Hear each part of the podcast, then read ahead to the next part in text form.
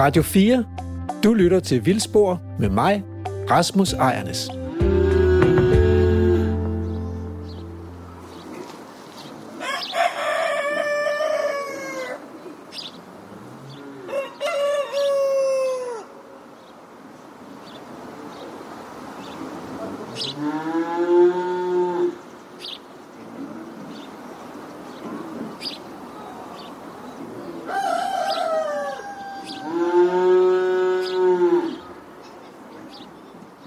Jens Hansen har en bundegård, ia, ia, oh. Og, øh, og vi ved, at øh, på den bundegård, der var der jo køer og grise og heste og får og hunde og katte og kaniner og geder og kalkuner og ender og hunde. Øh, Bate, har, øh, har du et yndlingsdyr? Altså, Et yndlingsdyr? altså er, er det dyr, du kan en, en lyd på? Altså sådan et bundegårdsdyr, du kan en lyd på? Ja, det er udmærket.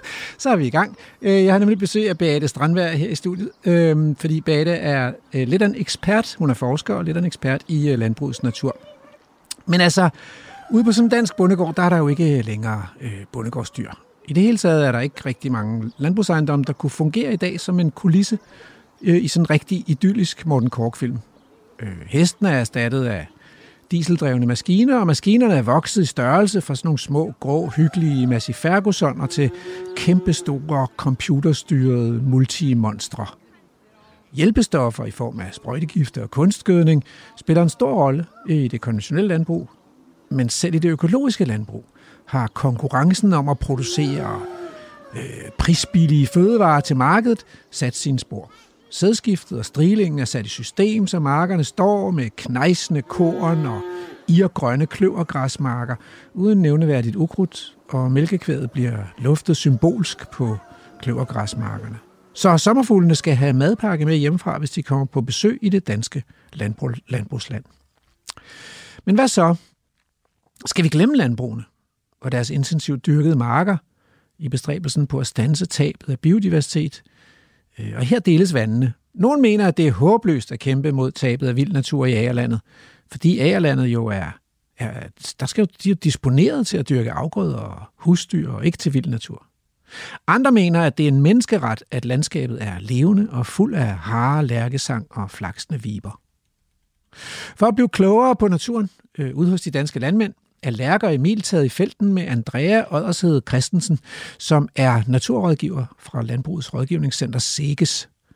Øh, så hun kom ud til mange landmænd for at rådgive om, hvad man kan gøre for at passe bedre på den vilde natur, især på de sårbare arter. De er taget ud for at besøge Henrik Bertelsen, som driver et landbrug ved Vejen Mose og har gjort sig en masse tanker om, hvad man kan gøre for naturen i Agerlandet. Og når vi har været derude, så vender vi tilbage i studiet til, øh, til mig og seniorforsker Beate Strandberg fra Aarhus Universitet. Velkommen til Vildsborg.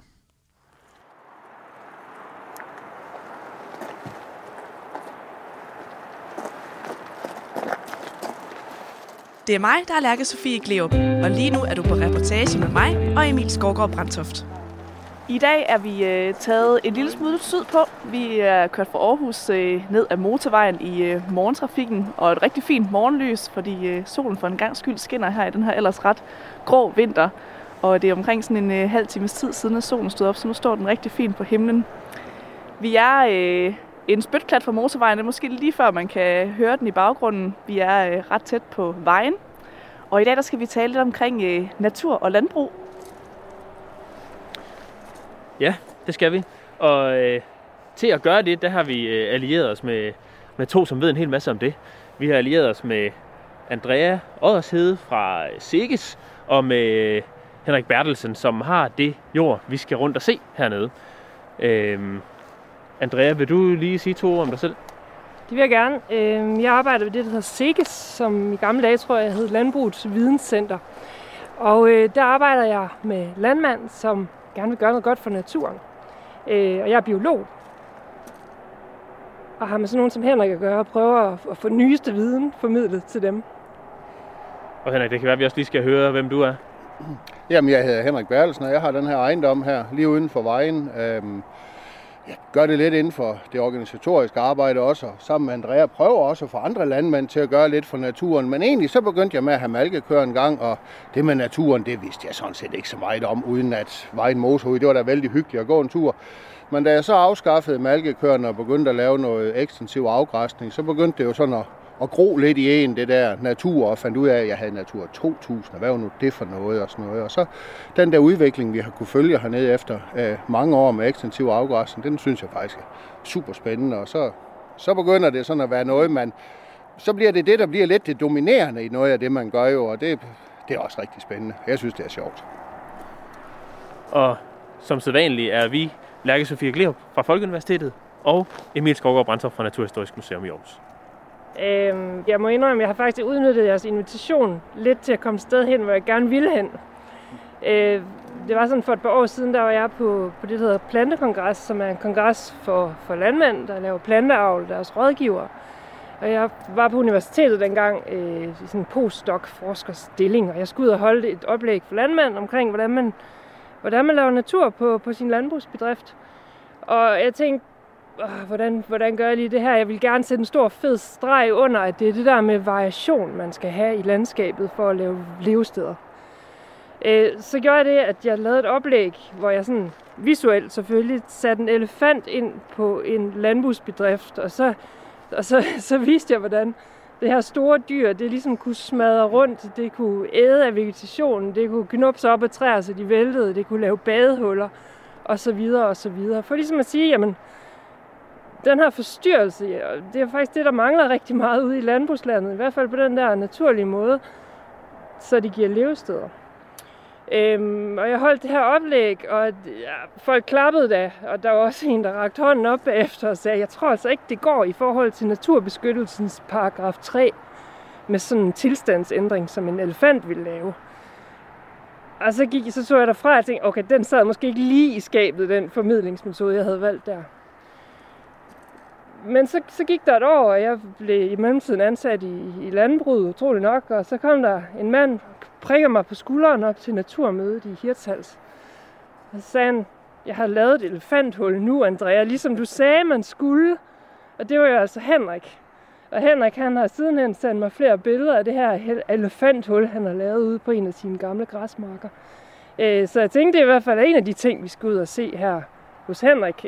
Mm og snakke lidt om, hvordan man laver sådan et elefanthul, og hvad det egentlig gør for livet, for, for dyrene og planterne og svampene. Øh, men jeg ved, at Henrik også har rigtig meget andet at, at byde på.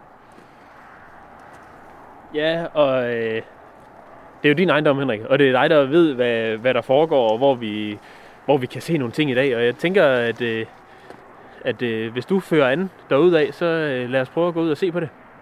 Ja, lad os det. Vi, øh, vi begynder heroppe ved ejendommen, og det er sådan, hvad skal man sige, det mest dyrkningsegnede, og det, der bliver dyrket stadigvæk, og så bliver det mere og mere hvad man sige, naturligt af, og mere og mere vildt. Så lad os det.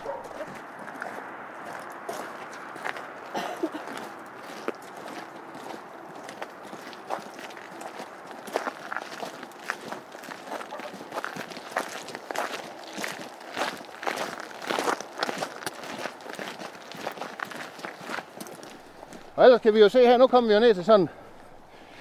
Det er jo sådan en traditionel læhegn, der er plantet en gang midt i 70'erne, hvor, hvor min far på det tidspunkt var så fornuftig at lade den gamle ahorn stå, her, selvom ellers læhegnsfolkene, de synes selvfølgelig, at den skulle væk, fordi den stod midt i rækken. Og ellers var der jo sitka-hegn op igennem her, ligesom, ligesom det store hegn, jeg har ladet stå over i bag derovre.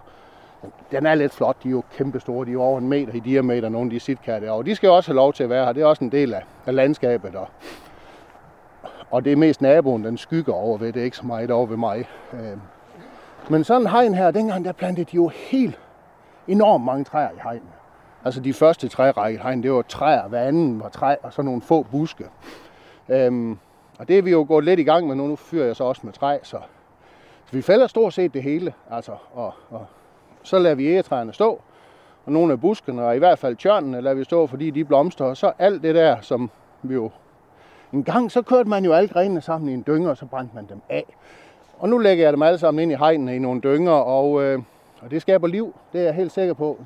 Hils vi lige på min lille Jack Russell Terrier, som jeg siger, når vi kommer forbi hernede, så vil den i hvert fald gerne ind i de der dynger. Og det er jo der i hvert fald tegn på, at der er et eller andet, der bor derinde. Og jeg kørte faktisk over på min ATV for i år hernede ved en anden grendynger ude på Markvejen. Et, et mordyr. Der lå en hel flok unger ude og solede sig, eller hvad de lavede. Jeg nåede ikke at se, hvad det var. Den tog ikke skade. Den sus bare ind i den der grendynge. Så, så på den måde, så får man jo også nogle, nogle levesteder ud af det.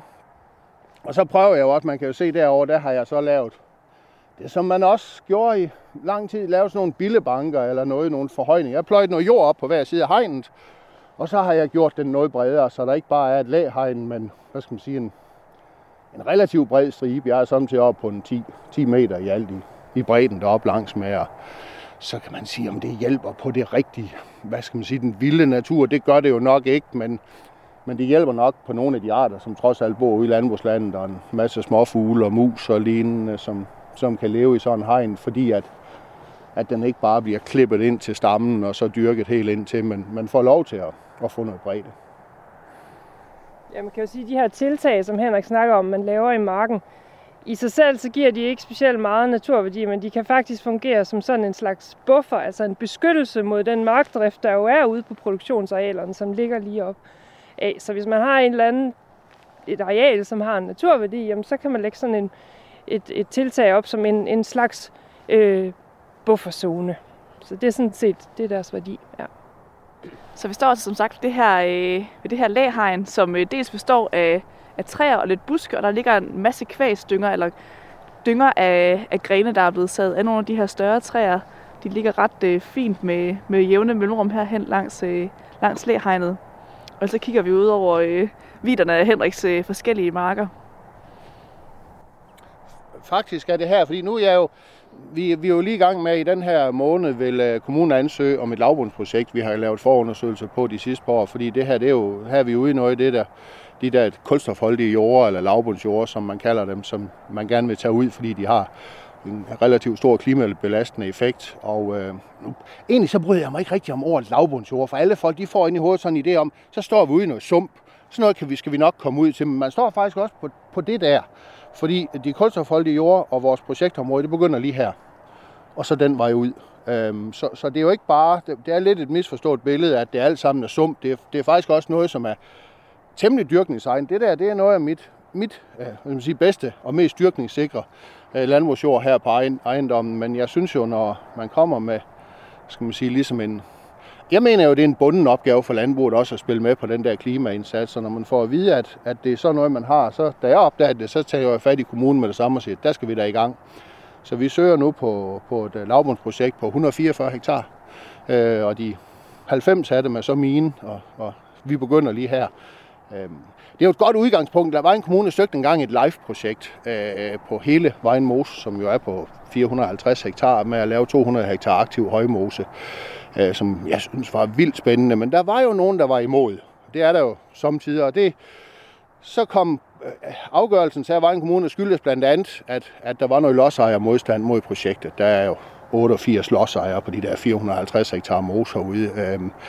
Så det var, det var jo en det var virkelig en skam. Den her gang, der fandt jeg så ud af, at det her, det er jo smart. Fordi vi kunne jo gå til nogle naboer, jeg kunne snakke med nogle naboer og sige, I, I må, jeg skal bare høre, om I gerne vil være med, for I behøver ikke. Jeg havde faktisk så stort et sammenhængende område her, at vi kunne bare lave lavbundsprojekt kun på mit jord. Og så har du lige pludselig et helt andet udgangspunkt, hvor, nogen, hvor de sådan egentlig mere bare bliver tilbud om at være med i en ordning, mere end at de behøver at være med. Og så jeg tror måske også, det hjalp, at det var en nabolandmand, der kom og snakkede med dem i stedet for biologen inden for kommunen. Det, det giver samtidig en, en, en eller anden grund, så er der nogen, så kommer paraderne lidt op over for, for hvad skal man sige, offentlige myndigheder og lignende. Så, så det er jo, det bliver helt vildt spændende. Altså jeg håber virkelig, vi kommer igen med det her projekt, der kan, og kan komme i gang. Øhm, som jeg siger, det er jo, der er nogen, der synes, at den der indsats fra landbrugets side, den tager lang tid, og jeg er fuldstændig enig. Det er jo tre år siden, jeg opdagede det her og fik idéen, og med ansøgninger til forprojekter, forprojektet og ansøgninger om det egentlige projekt, og så har vi tre år til at gennemføre det. Det kommer jo til at tage syv år, det her, eller sådan noget, men, men, øh, men bare det så kommer til at ske. Og det heldige er jo her også, kan man sige, når vi har noget landbrugsjord med, så kan vi også tage noget mos med. Fordi det kan man ellers ikke i lavbundsprojekter, fordi det er jo ikke der, man mener, man har klimaeffekten. Det gør man ved at holde op med at dyrke det, man, man dyrker, og det gør vi jo ikke ude i mosen. Men på den måde kan vi også få skabt nogle områder derude, som jeg håber, vi når ud til, hvor, hvor vi også kan få noget højmosedannelse, som, som vi jo ikke rigtig har nu, fordi det er, det er gennemdrænet det hele, og, og derved så dør de der tørvemosser jo om sommeren, fordi det tør ud, og så, så har du den der afbrudte øh, øh, effekt hele tiden. Så, og øh, når vi får lukket alle rørene derude, og vi har jo lige motorvejen, den skal lige have en ny rørledning udenom, siger de, fordi den skal vist stadigvæk kunne komme af med sit vand. Jeg synes, det var bedre at lægge et tag hen over den, så slap vi også for lyden. Det gør de dernede ved Hamburg, men, øh, men indtil videre er det en ny rørledning udenom. Så. Men det er, min, øh, det er vores øh, kæmpe store, min drøm. Altså, jeg synes, det kan blive så fantastisk ud af. Sådan helt kort, kan du, øh, kan du beskrive, hvad det er helt konkret, der skal ske i sådan et, et lavbundsprojekt? Det er ikke, det, jeg ved ikke helt præcis, hvad det, hvad det handler om. Kan du forklare det? Nej, altså et lavbundsprojekt, det er, jo, det er jo fordi, det er de der kulstofholdige jord, når man har drænet dem og fjernet ilten, så sker der en omsætning, og så frigives der øh, CO2 til atmosfæren hele tiden. Når man så går ind, så er det jo, at princippet, så vender man jo den proces om. Det vil sige, at man stopper al dræn. Øh, og man må aldrig mere, det bliver tinglyst på ejendommen, men det må aldrig mere drænes, det må aldrig mere dyrkes, gødes, eller sprøjtes, eller omlægges. Det må gerne græsses af, altså som, som jeg jo gerne vil. Og på den måde så vender man processen om, og får derved, i stedet for at frigive CO2, så begynder man at få en CO2-binding i områderne. Ligesom den måde, kan man sige, motorerne øh, jo blev skabt på i sin tid. Og, og det er jo som udgangspunkt et klimaindsats. Der er også noget kvælstofeffekt i det. Øhm, natureffekten er jo sådan noget, der, tit noget, der følger med. Men, men i det her tilfælde mener jeg, nu er det jo ikke, man vil også gerne have en naturindsats på høj jord, men, men på lav jord, så mener jeg jo egentlig her, man kan jo ikke få en natureffekt, som hvad skal man sige, var mere målrettet end et lavbundsprojekt, fordi det bliver jo, altså der er nogen, der tror, det er jo sådan et, vi laver et rensningsanlæg for kvælstof. Det er jo ikke, det er jo ikke tilfældet. Her lukker vi jo hele systemet og genskaber sådan set den helt oprindelige øh, hydrologi og de naturlige dynamikker i området. Så, så på den måde får vi også den, for mig at se, den helt optimale indsats i forhold til naturen i, i sådan et område. Altså i gamle dage gik mosen jo som Andreas sikkert kunne se på kortene, helt, helt heroppe midt på markerne jo. Og så gravede man jo tørv en gang og opdyrkede de på, i livets lyst jo. Det skulle jo, man skulle jo have alle de fødevarer skaffet, som, som kunne gøre, og så skulle man for også have noget fyre med i kakkelovnen, så det var der moserne de endte jo. Det lyder, det lyder rigtig, rigtig spændende, synes jeg. Det, det virker som om, det er, det er et projekt med noget potentiale, på, som spiller ind i mange dagsordner. Der ja, står altså et spændende træ herovre, som jeg har kigget lidt på. Ja, den er flot. Og den må jo være vokset i de der små 40 år, jeg har boet. Jeg godt og vel 40 år, jeg har boet men det er jo svært at se. Den har bare altid været stor, synes jeg. Ja. Det er jo ikke sådan en af de super gamle, ikke også? Men, men når vi kigger på bakken her, diversiteten af, af ting, der, der gror, altså det er jo laver, vi kan se der, Emil. Vil du lige fortælle os, hvad det er for nogen? Nej, det vil jeg ikke.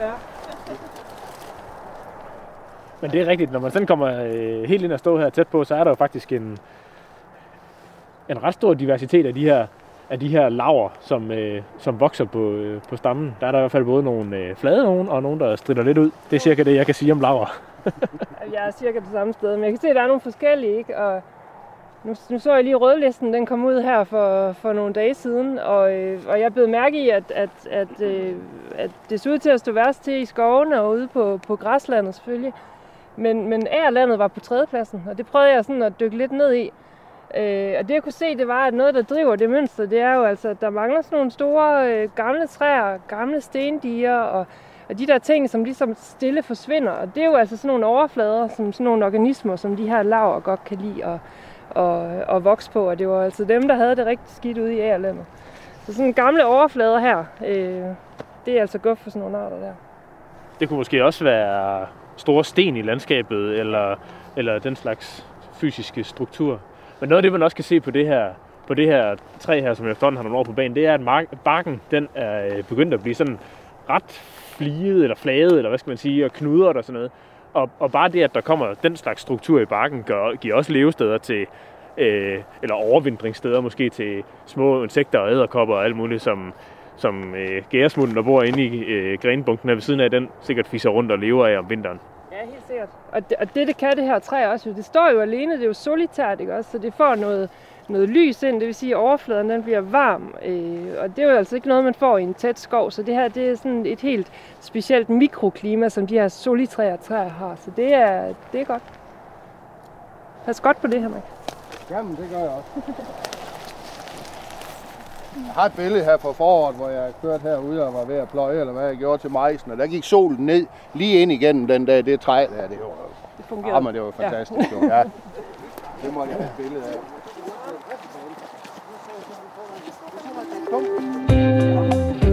Radio 4 taler med Danmark.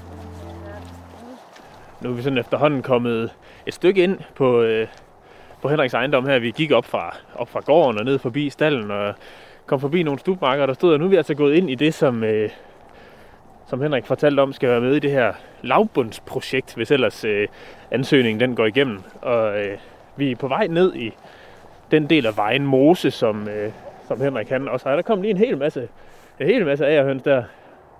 Fine små hønsefugle, som lever herude i, i, øh, i landbrugslandet. De er virkelig, virkelig fine. Og det er jo en art, som, som er gået virkelig meget tilbage. Den kan, den kan rigtig godt lide de her sådan nogle steder, hvor der er lidt insektliv. Ungerne de lever især af insekter, når de skal vokse så store. Om vinteren der kan de godt leve af plantefrø og sådan noget, men, men til ungerne der skal der nogle insekter til. Og det, det er lidt småt med insekterne i, i store dele af landbrugslandet i dag, og derfor er, er ærhønsene agerhønsene gået voldsomt tilbage. Men her nu har vi jo mødt to flokke af agerhøns på, på den her lille tur ned igennem Henriks ejendom her, så, så den måde han gør det, giver der i hvert fald til synligheden noget, noget mad til dem. Og det er jo super fedt at se.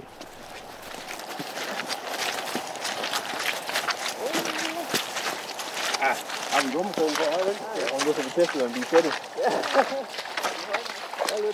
Det er mig, der er Lærke Sofie Gleup, og lige nu er du på reportage med mig og Emil Skovgaard Brandtoft.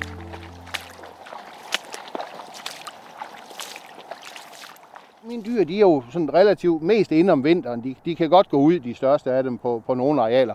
Men det er jo meget vådt herude. Og det, er jo, det ville jo blive et elde, hvis de fik lov til at gå ude hele vinteren. Mine arealer er også gennemskåret af nogle øh, privat fællesveje. En går ned til en skydebane, og nogen går ud til nogle andre arealer, der ikke er mine. Så det er ikke, jeg kan ikke bare hegne det sammen i et stort stykke, så man kan sige, at jeg fik både det lave og noget høj jord i et stort stykke. Men jeg tænker, at det her hjemme ved, på den her side af den der ene privat, den næste privat fællesvej herude, at, at hvis vi kommer igen med lavbundsprojektet, så har jeg faktisk en idé om, at jeg kunne finde på at simpelthen bare hegne det hele ind. Altså med de småskove og det hele. Øhm, og så nok stadigvæk lave sådan, at den lille mark hjemme ved, ved bygningerne, at de, kan, at de kan gå helt hjem og, og gå ind, fordi så er jeg også sikker på, at jeg overholder krav til ly og lag og alt muligt. Og, og det er jo sådan set også fint nok. Øh, det er også lidt nemmere at holde øje med dem, fordi så kommer de trods alt ind en gang imellem. Ja, der.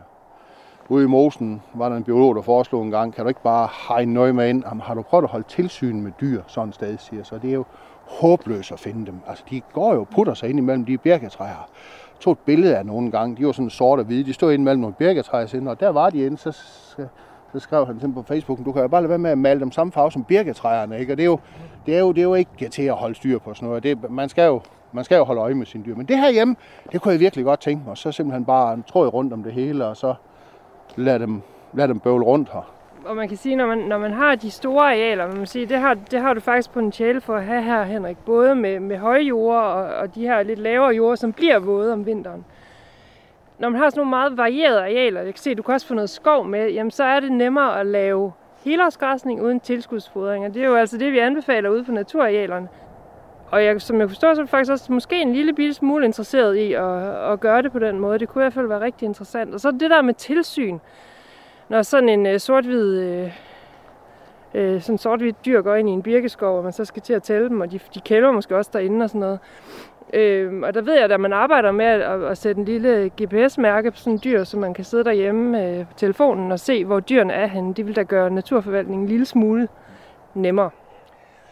nu er det, jeg, det er jo skal ikke være nogen hemmelighed. En del af min økonomi det her, det er jo også, at jeg producerer også noget oksekød. Altså vi slagter cirka 30 af de der øh, stude hver år, og så kommer der 30 ny til. Og så kører den der rytme hele tiden bare, hvor, hvor de jo også koster noget. Så, så det er også derfor, her den sidste vinter, de er inde, der bliver de altså fedt færdige. Altså de, de får lige, der bliver lige skubbet til dem det sidste halvår, for at jeg også, også får penge for dem. Øh, fordi det betyder faktisk også, også en hel del. Men, men yes, der vil jo være mange steder, jeg tænker, hvor man skulle se mere på, hvad er formålet her? Her er formålet ikke at producere oksekød, her er det at skabe natur. Og der ved jeg jo også, jeg har også haft ammekøer engang, og det skal jeg ikke have igen. Fordi det er simpelthen noget bøvl. Så får de en kald, og så skal kald øremærke. Du kan ikke fange kald, hvis den er over 40 minutter gammel, fordi så render den hurtigere end hvad som helst andet, du kan indhente. Og før så kan ko slet ikke lide, hvis du fanger den, og så siger den, og så kommer ko, og så skal du have tæsk. Og det der, det er simpelthen bare noget bøvl. Der har jeg jo tit sagt, altså sådan noget, anskaffe nogle stude til sådan nogle ejere. Jeg tror, de kan, de kan blive tusse gamle, altså nogle nogle robuste raser, og så kastrerer dem, når de er små, og så skal de bare ud og lave naturpleje. Der er ikke nogen, der kalder, og der er stort set ingen tilsyn med dem. Eller selvfølgelig skal der være tilsyn, men de bliver aldrig syge. Altså sådan nogle dyr som mine, der bare går ind og ud, de er jo aldrig syge. Øh, lige så snart de er kommet over spædkaldniveau, hvor de kan få lidt lungebetændelse eller, eller tynd mave, så går de jo bare og passer sig selv, og de, det koster jo ikke noget at sætte sådan en flok ud, hvis formålet ene og alene er at lave naturpleje. Det vil blive ekstremt meget nemmere i tilsyn og i omkostninger ved at lukke sådan en flok derud, som, som ikke får små kalder, og nogen, der sidder fast midt i kældningen, og hvad det måtte være. Altså.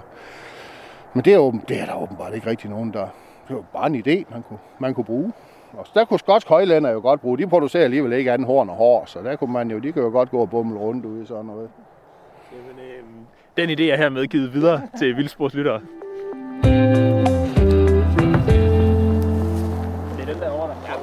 Kan bare lige, jeg synes, vi skal derud, men vi skal bare, så går vi bare lige den anden vej rundt. Nu bliver bare derovre, Andrea. Ingen grund til at gå tilbage. Jeg tror, vi kan gå den her vej rundt. er jo virkelig vådt i den her vinter, og det er der også øh, uden for elefanthullerne. Men så står vi faktisk og kigger ud i det her elefanthul. Der ligger øh, nogle volde af, af opgravet jord. Der ligger en bunke af store sten. Og øh, Andrea hun går rundt på, øh, på en af de her volde mellem to områder af det her øh, elefanthul. Det er spændende at se.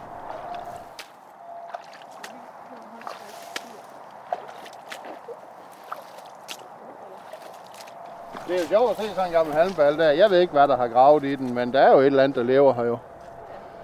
Så, så, og jeg kan, kunne forstå på nogen, de var sådan lidt i tvivl om, om sådan en gammel halmballe, den, den gav værdi.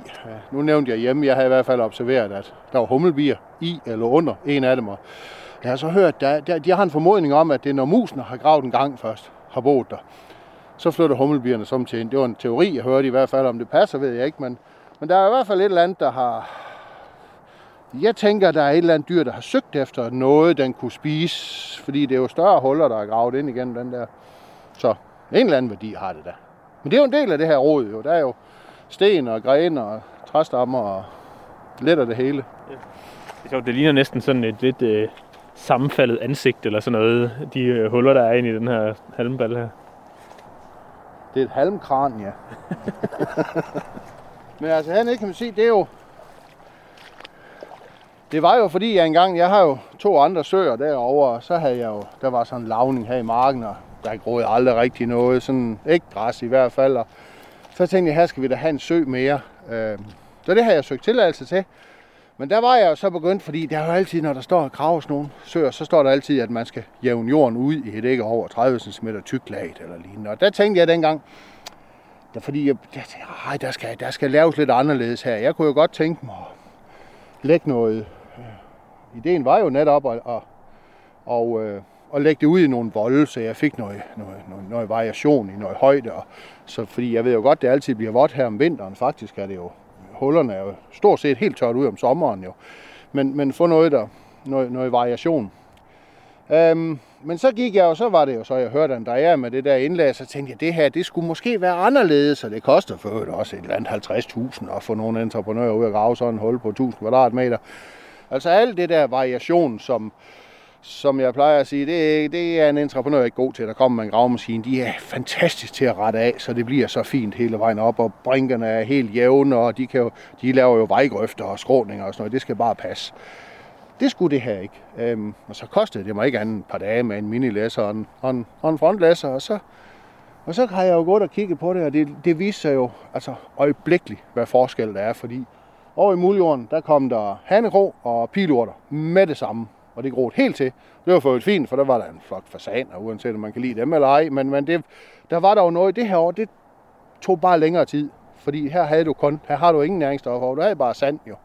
Men, øh, men det er jo så også herover de, det er blevet mere blomstrende, kan man sige, fordi det er jo, når de ikke bliver kvalt af hanekro og, øh, og pilurter, altså jeg kan egentlig godt lide, lide pilurter, øh, men, men hanekro, de kan blive voldsomt dominerende i, øh, i sådan nogle jordtyper, som vi har her.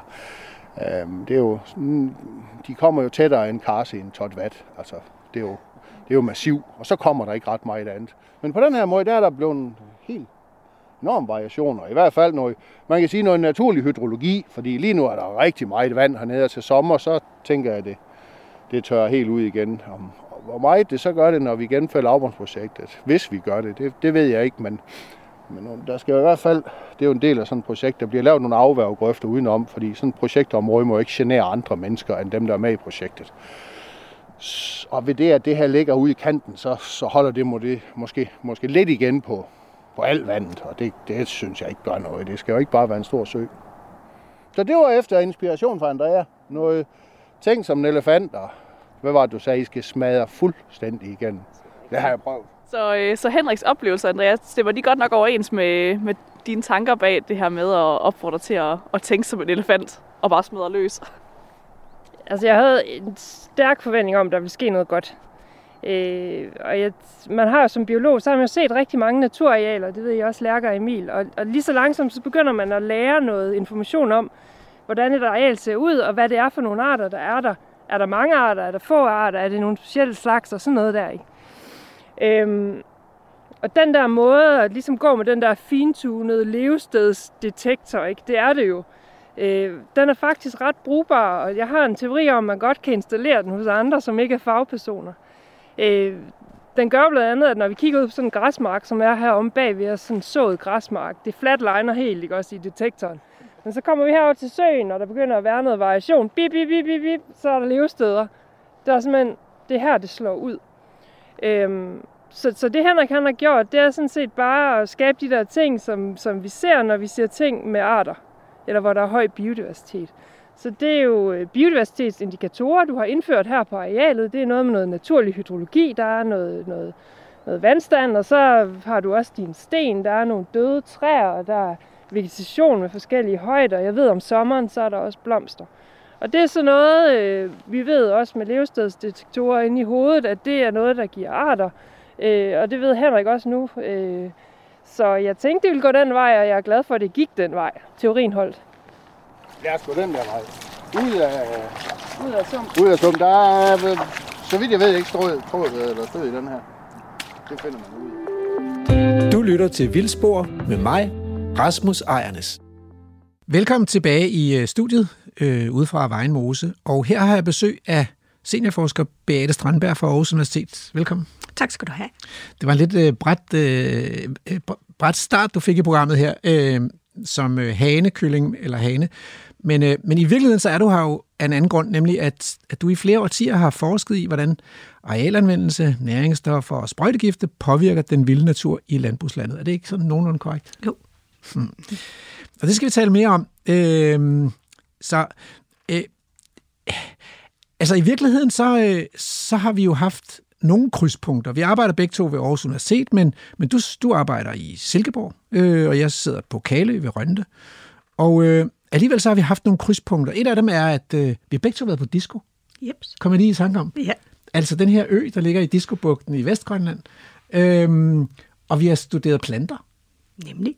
Du, du har studeret øh, øh, hvad revling eller og kantlyng? Eller? Jeg kiggede ikke på nogen bestemte arter. Jeg kiggede bare på vegetation og vegetationsøkologi Ja. i forhold til øh, forstyrrelser Ja, og, øh, og plantesuccession under kuldestress. ja. Så det var, um, jeg lavede Ph.D. på, øh, blandt andet på disco. Men før det havde jeg jo i adskillige år, som man kunne dengang, haft et studenterjob, hvor jeg arbejdede i Grønland. Jeg faktisk huske, jeg var oppe på, på sådan, øh, på, på, på fo, ved foden af Skarvefjeld og set ja. Ja. på nogle af de der felter, du havde haft dengang. Ja. Det er ret sjovt. Øhm, men, men hvad fik egentlig dig til at læse biologi? Jamen, oprindeligt startede jeg faktisk på at læse til agronom. Jeg kommer jo fra landet, så det var måske sådan, øh, hvad skal man sige, den måde, man så natur på, der hvor jeg kom fra. Men øh, på studiet blev jeg meget hurtigt klar over, at det, jeg gerne ville, var meget mere over i natursiden, end det, man læser på, øh, læste på agronom dengang. Mm. Så øh, jeg skiftede til biologi og blev rigtig glad for det. Altså betyder det, at du simpelthen er vokset op på et landbrug? Jeg er vokset op i et øh, gardneri og Okay. okay. frugtavl. Ja. Jamen, øh, så, så, er det jo, så er det jo ikke bare årtier, det er jo nærmest et, et, et helt liv, du faktisk har, har haft, fået erfaringer med, med, med den der natur, der er jo den dyrkede natur, kan man sige, og det, der er omkring den. Øh, altså, øh, hvilke dele af Ærlandets natur har du så studeret? Altså. Jamen, jeg har jo primært arbejdet med, med planter, men også rigtig meget med insekter. Mm. Og specielt, specielt de sidste 10 år har jeg arbejdet øh, næsten mere med insekterne, end jeg har med planterne. Og også når jeg arbejder med planterne, har det meget været som fødegrundlag for insekterne. Så mm. det har været min, min øh, tilgang. Men øh, jeg har haft rigtig mange studier i, i øh, det dyrkede land. Så på den måde så er det oplagt at, at snakke om det her. Og, øh, øh, og når man siger insekter og landbrug, så det første, man tænker på, det er, at der, der er nogle nyttedyr, og så er der nogle skadedyr. Ja. Øh, har det været med det perspektiv, eller har der også været nogle vilde dyr indover? Altså, jeg har interesseret mig både for, for nyttedyr og skadedyr. Jeg har egentlig kigget på dem mere som arter, end på den, øh, på den øh, funktionalitet, de har i systemet. Mm. Jeg har kigget på bestøvning, øh, bier og andre insekter, der er væsentlige for bestøvningen, men det har primært med, været med det biodiversitetsmæssige fokus, jeg har kigget, mere end med nytteaspektet. Ja, fordi altså, hvis vi bare tager bierne, og de andre bestøver ikke, der er jo hundredvis af dem, og ja, mange hundrede øh, af, af de her øh, små insekter, der flyver rundt imellem blomsterne for at hente pollen og nektar og sådan noget. Men det er jo ikke ret mange af dem, der sådan er mega nyttige, er det det? Altså. Nej. Faktisk er det de undersøgelser, der har kigget lige præcis på, på hvad det er for en del af øh, insektfaunaen, der betyder noget for bestøvning, så er det jo ganske få arter, måske en to håndfulde arter, så har vi øh, bestøvet langt de fleste arter i agerlandet. Så deres begrundelse for eksistensberettigelse, kan man sige, det er jo ikke det arbejde, de laver, men, men simpelthen det, at de findes som arter. Og ud af 280 kendte arter af vilde bier, eller deromkring, så er det jo ikke mange. Nej. Der, som er egentlig nyttige. Nej. Så er det jo heldigt, at de andre trods alt ikke er skadelige. Altså. altså det er jo selvfølgelig primært, når vi snakker om bestøvning af afgrøder, ja. at det forholder sig sådan. Ja. Hvis vi ser på bestøvning af vilde planter, er det jo helt anderledes, fordi vilde planter har jo en diversitet i deres udformning af blomsterne, og dermed har de også brug for rigtig mange forskellige bestøvere. Det er ikke én art, der kan klare bestøvningen af de vilde planter. Det er netop den forskellighed af insekter. Jeg kan huske historien om engblomme. Så den der fantastiske gule, kugle, runde blomst, der vokser i sådan nogle naturlige næringsfattige enge, bliver bestøvet af en flue. Ja. Engblommefluen, ja. som ikke kan andet i sit liv, altså. Ja. Det, er jo, det er jo komisk, men også lidt sødt. Altså, øh, så, så den her flue, den er i stand til at krybe ind i den der lukkede blomst ja. og, og finde ind til, øh, til, til øh, de centrale ja. organer, ikke? hvor ja. den skal så bestøve det med. Fantastisk. Øhm, altså, vi, vi har jo endda lidt mere til fælles end øh, Vestgrønland, fordi vi har begge to fået penge fra Miljøstyrelsen til forskning i uønskede effekter af bekæmpelsesmidler på den vilde natur. Jeg kan egentlig godt lide at kalde det sprøjtegifte. Hvad foretrækker du? Jeg foretrækker også helt klart at kalde det sprøjtegifte, og noget, der virkelig kan, hvad skal man sige, bringe mit PCK, hvis man skal sige det, det sådan. gerne. Det er at kalde det, øh, hvad hedder det, øhm, hjælpestoffer eller plantebeskyttelsesmidler, når det oh, skal ja. gå helt højt. Fordi øh, hvis man skulle kalde det noget, så var det jo afgrødebeskyttelsesmidler. Ja. Det vil være fair. Ja, for det går ud over de fleste af plantearterne i virkeligheden, det er jo meningen, Det er jo meningen, i hvert fald med ukrudtsmidlerne. Ja. Og man kan også sige, at ukrudt er jo også et, et ord, man kan diskutere, ikke? fordi det er jo i virkeligheden vilde planter. Lige præcis. Ja. De er jo kun ukrudt, så længe de vokser et sted, hvor vi ikke ønsker, de skal være. Så det er meget godt at være opmærksom på, hvem har defineret sproget og med hvilket formål. Ja. ja. Så, så det er jo en del af, af, af den vilde bestræbelse, det er at tage sproget tilbage, sådan at de vilde dyr og planter og svampe ligesom får deres egen ret, og ikke bare skal defineres i forhold til vores behov. Øhm. Men, men så kom jeg til at tænke på, øh, at vi måske kunne tale lidt om den der natur ude i Ærlandet. Hvordan er det egentlig gået med den? Og jeg kunne godt tænke mig at lave et lille eksperiment med dig. Hvilke billeder får du på nethinden, hvis jeg siger følgende artsnavne? Markfirben, markpiber, A og K hvede, markbynke, markperlemors sommerfugl og markfrytle. uha, så kommer jeg til at tænke på noget, der næsten ikke er tilbage i vores øh, ærlandsnatur længere. Det er arter, som øh, findes øh, primært øh, på relativt uforstyrrede og i hvert fald ikke intensivt dyrkede områder. Øh, også gerne lidt mere næringsfattige, end vi ser, øh, for, i hvert fald for plantearterne øh, i det danske landbrug. Og øh, det er arter, der stort set er væk i dag. Det er arter, vi kan tage øh, til udlandet og se, mm. i, hvor man stadigvæk dyrker et mere ekstensivt landbrug. Det er jo meget skægt, fordi jeg kommer til at tænke på overdrev eller græsland, fordi det det der, man, jeg i dag ser mark firben og ærkovede og markbønke og perlemors ja. sommerfugl og sådan noget, og markfrytle også. Man ser dem jo stort set ikke i landbrugslandet længere. Nej, kun på små biotoperne, som altså de små klatter, der kan være med lidt overdrev indimellem de, de intensivt dyrkede marker.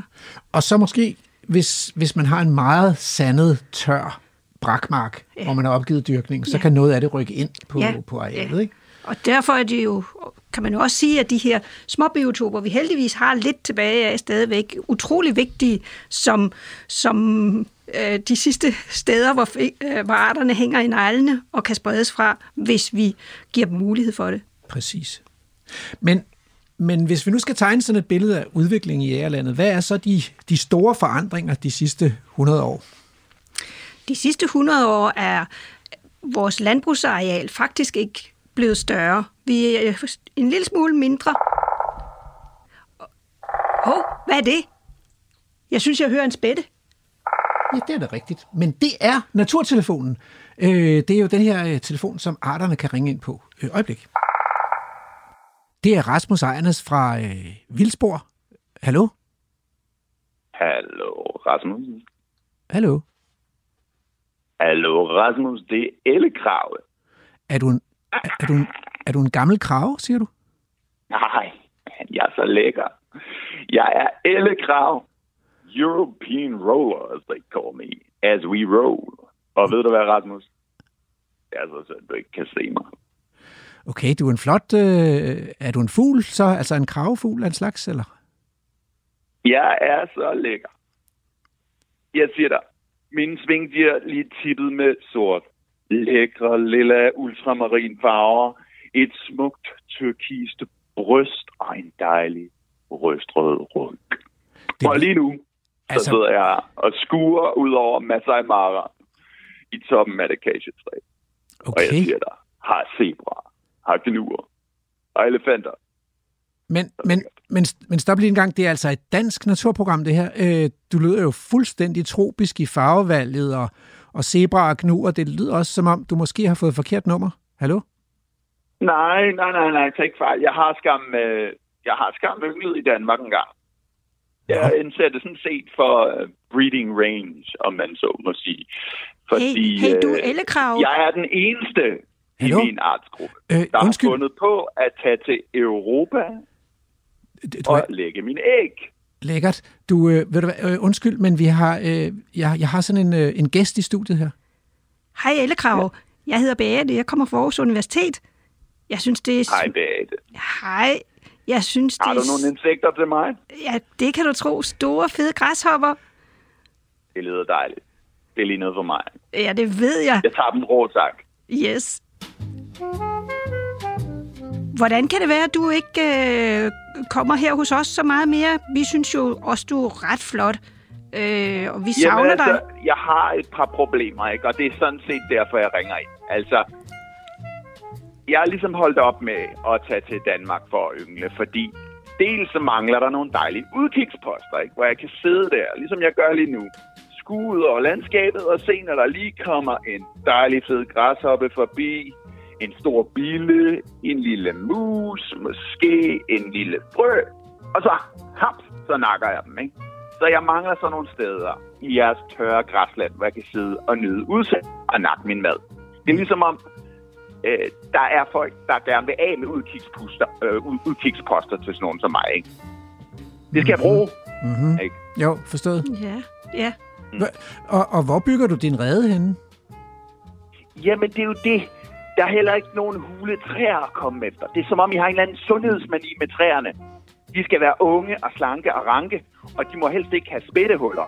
Jeg skal bruge noget, der er gammelt og rådent, som Spætten har gjort det hårde arbejde i, ved hakket et dejligt hul, som jeg så kan overtage og lægge min æg i. Mm. Det mangler også. Mm. Du ikke lade være med at fælde de gamle træer. Tak. Aha. Jo, jo, altså, øh, hvis vi kan få ellekraver, øh, så er det da helt klart en overvejelse værd. Ja. Øhm, så, så, Altså, ja. Husk på, jeg skal have de der træer, der står solitært ude i landskabet. Altså dels til mine udkigsposter, men også det er også rart, at mit redetræ står sådan frit i landskabet, ikke? Fordi det er det der lysåbne landskab med masser af blomster, masser af insekter og store dyr. Det er det, have. Store dyr, jeg troede, Store du, dyr. jeg troede, du sagde, at du spiste små dyr. Skal du nu også have store ja, ja, dyr? ja, ja, ja. Men, men nu her for eksempel, ikke, så sidder jeg lige ned og kigger på en zebra. Og jeg kan se, øh, øh, den har lavet en fantastisk, øh, hvad kan man sige, hestepære er det vel. Og der kunne der jo godt være dejlige insektlarver i. Der kunne blive voksne insekter. Jeg kan spise begge dele. Ja. Jeg kan også lige sætte mig på ryggen af den zebra der, og så kan jeg nakke, hvad der må være af øh, irriterende kryb på ryggen af den. Mm-hmm. Altså i det hele taget lort og ådsler og store dyr, der holder landskabet dejligt åbent og blomsterrigt. Det kan jeg godt lide. Aha. Men, det, men, men vi får nok ikke zebraer i Danmark lige forløbig, øh, her Ellekrave, så... Øh, så I kan da bare sætte nogle heste ud, det er da ikke Ah. end det. ah, Der har der levet vilde heste tidligere, ikke også? Og urokser og bison og alt det der. Det er fint okay. Så, så, øh, så hvis du nu lige skulle komme med, her til sidst med sådan et, et, et ønske til Vildsborgs lyttere og den danske befolkning, hvad, hvad skulle det så være i kort træk? Ja, men altså et, plads til flere fritstående træer og buske, så jeg har udkigsposter. To, plads til de gamle hule træer, så jeg har redehuller. Tre, flere store dyr, tak, fordi de genererer masser af mad i landskabet til mig. Og fire, de der folk i Oman, skal bare lade være med at plukke mig ned fra himlen og æde mig, fordi det er også et problem, når jeg er på træk, ikke? at de bare skyder os. Ja, ja det er jeg ikke så sikker de på, der at fire vi... ting, det vil gøre meget for mig. Jeg tror, måske kan man faktisk hente vores podcast ned fra Oman, og det kan vi jo opfordre til. Men ellers så vil vi prøve at løse de, de danske problemer, og det er i hvert fald hermed gået videre til Vildsborgs lytter. Tusind tak, fordi Ja, tak du, øh, du Tak. ringede ind til Vildsborg. Ja, god dag, Jamen, det var slet. og hils zebraerne. Det gør jeg. Hey.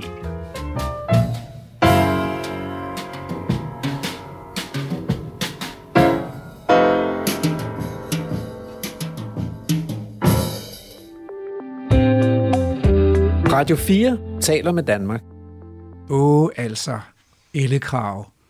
Det er også en ufattelig lækker fugl. Den er så smuk. Jeg har set uh, ellekraver i, uh, i Sydafrika. Ja, jeg så dem i Sahel for nogle år siden.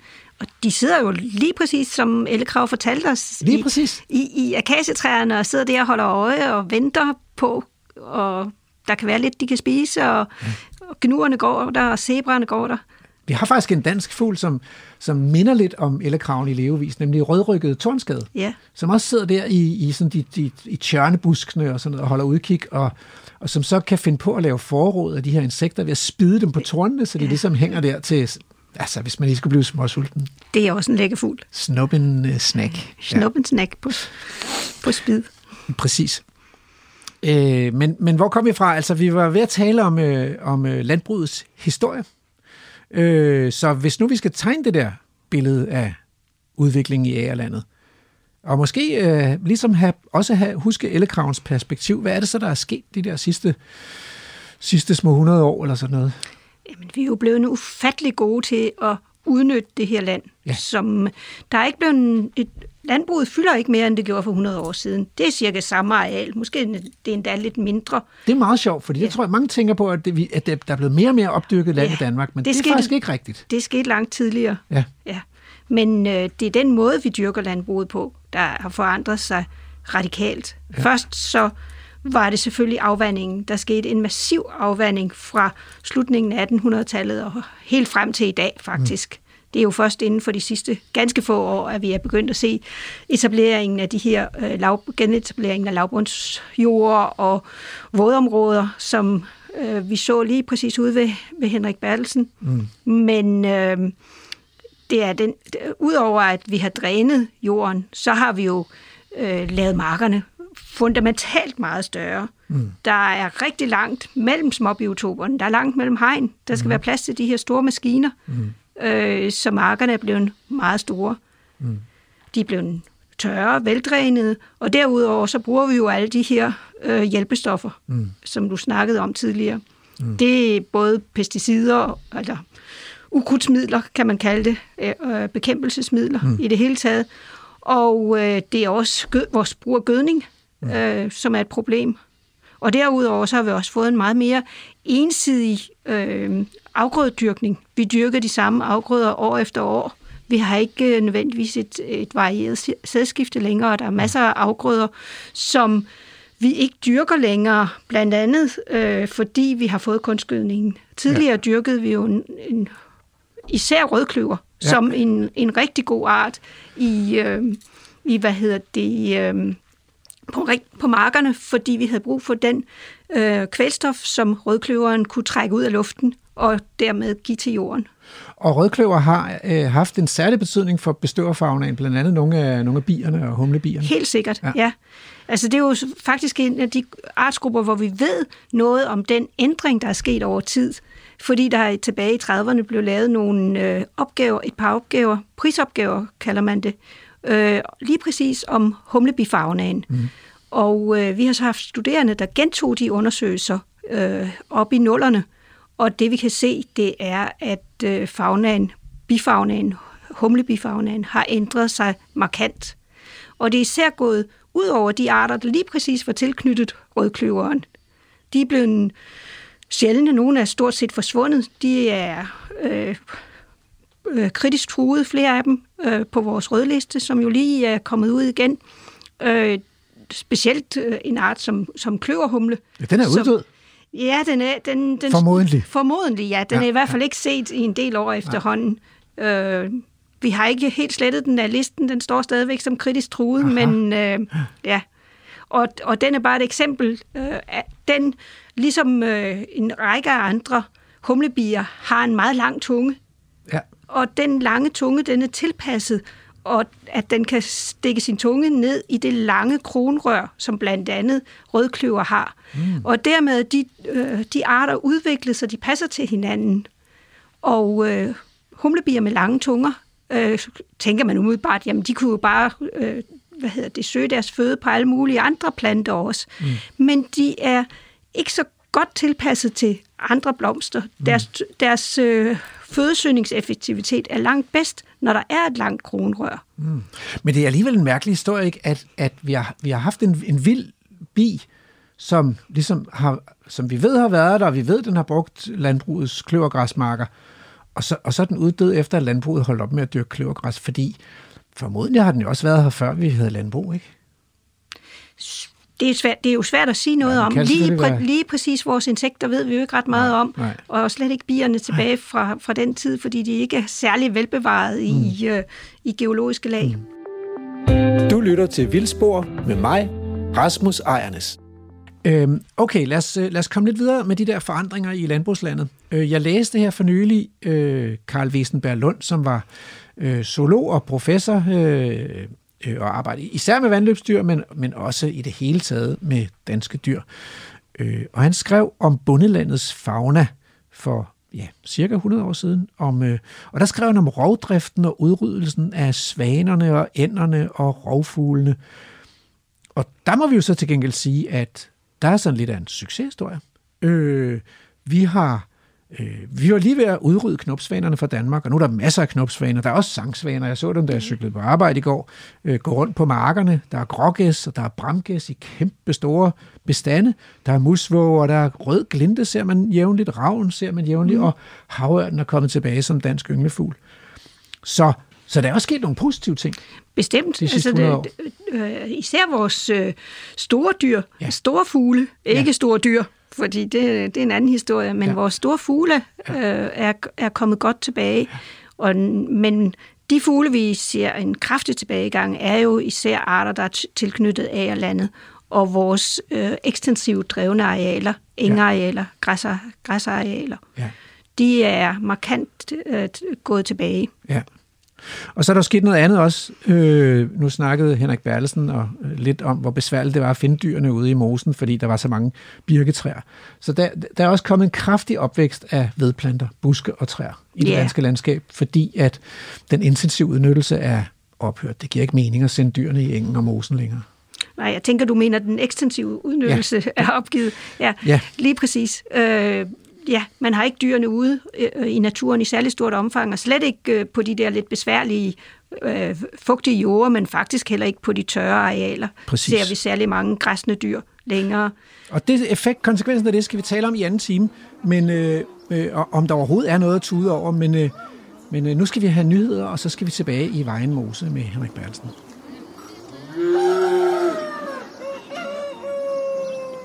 Programmet er produceret af Folkeuniversitetet og Aarhus Universitetsforlag for Radio 4.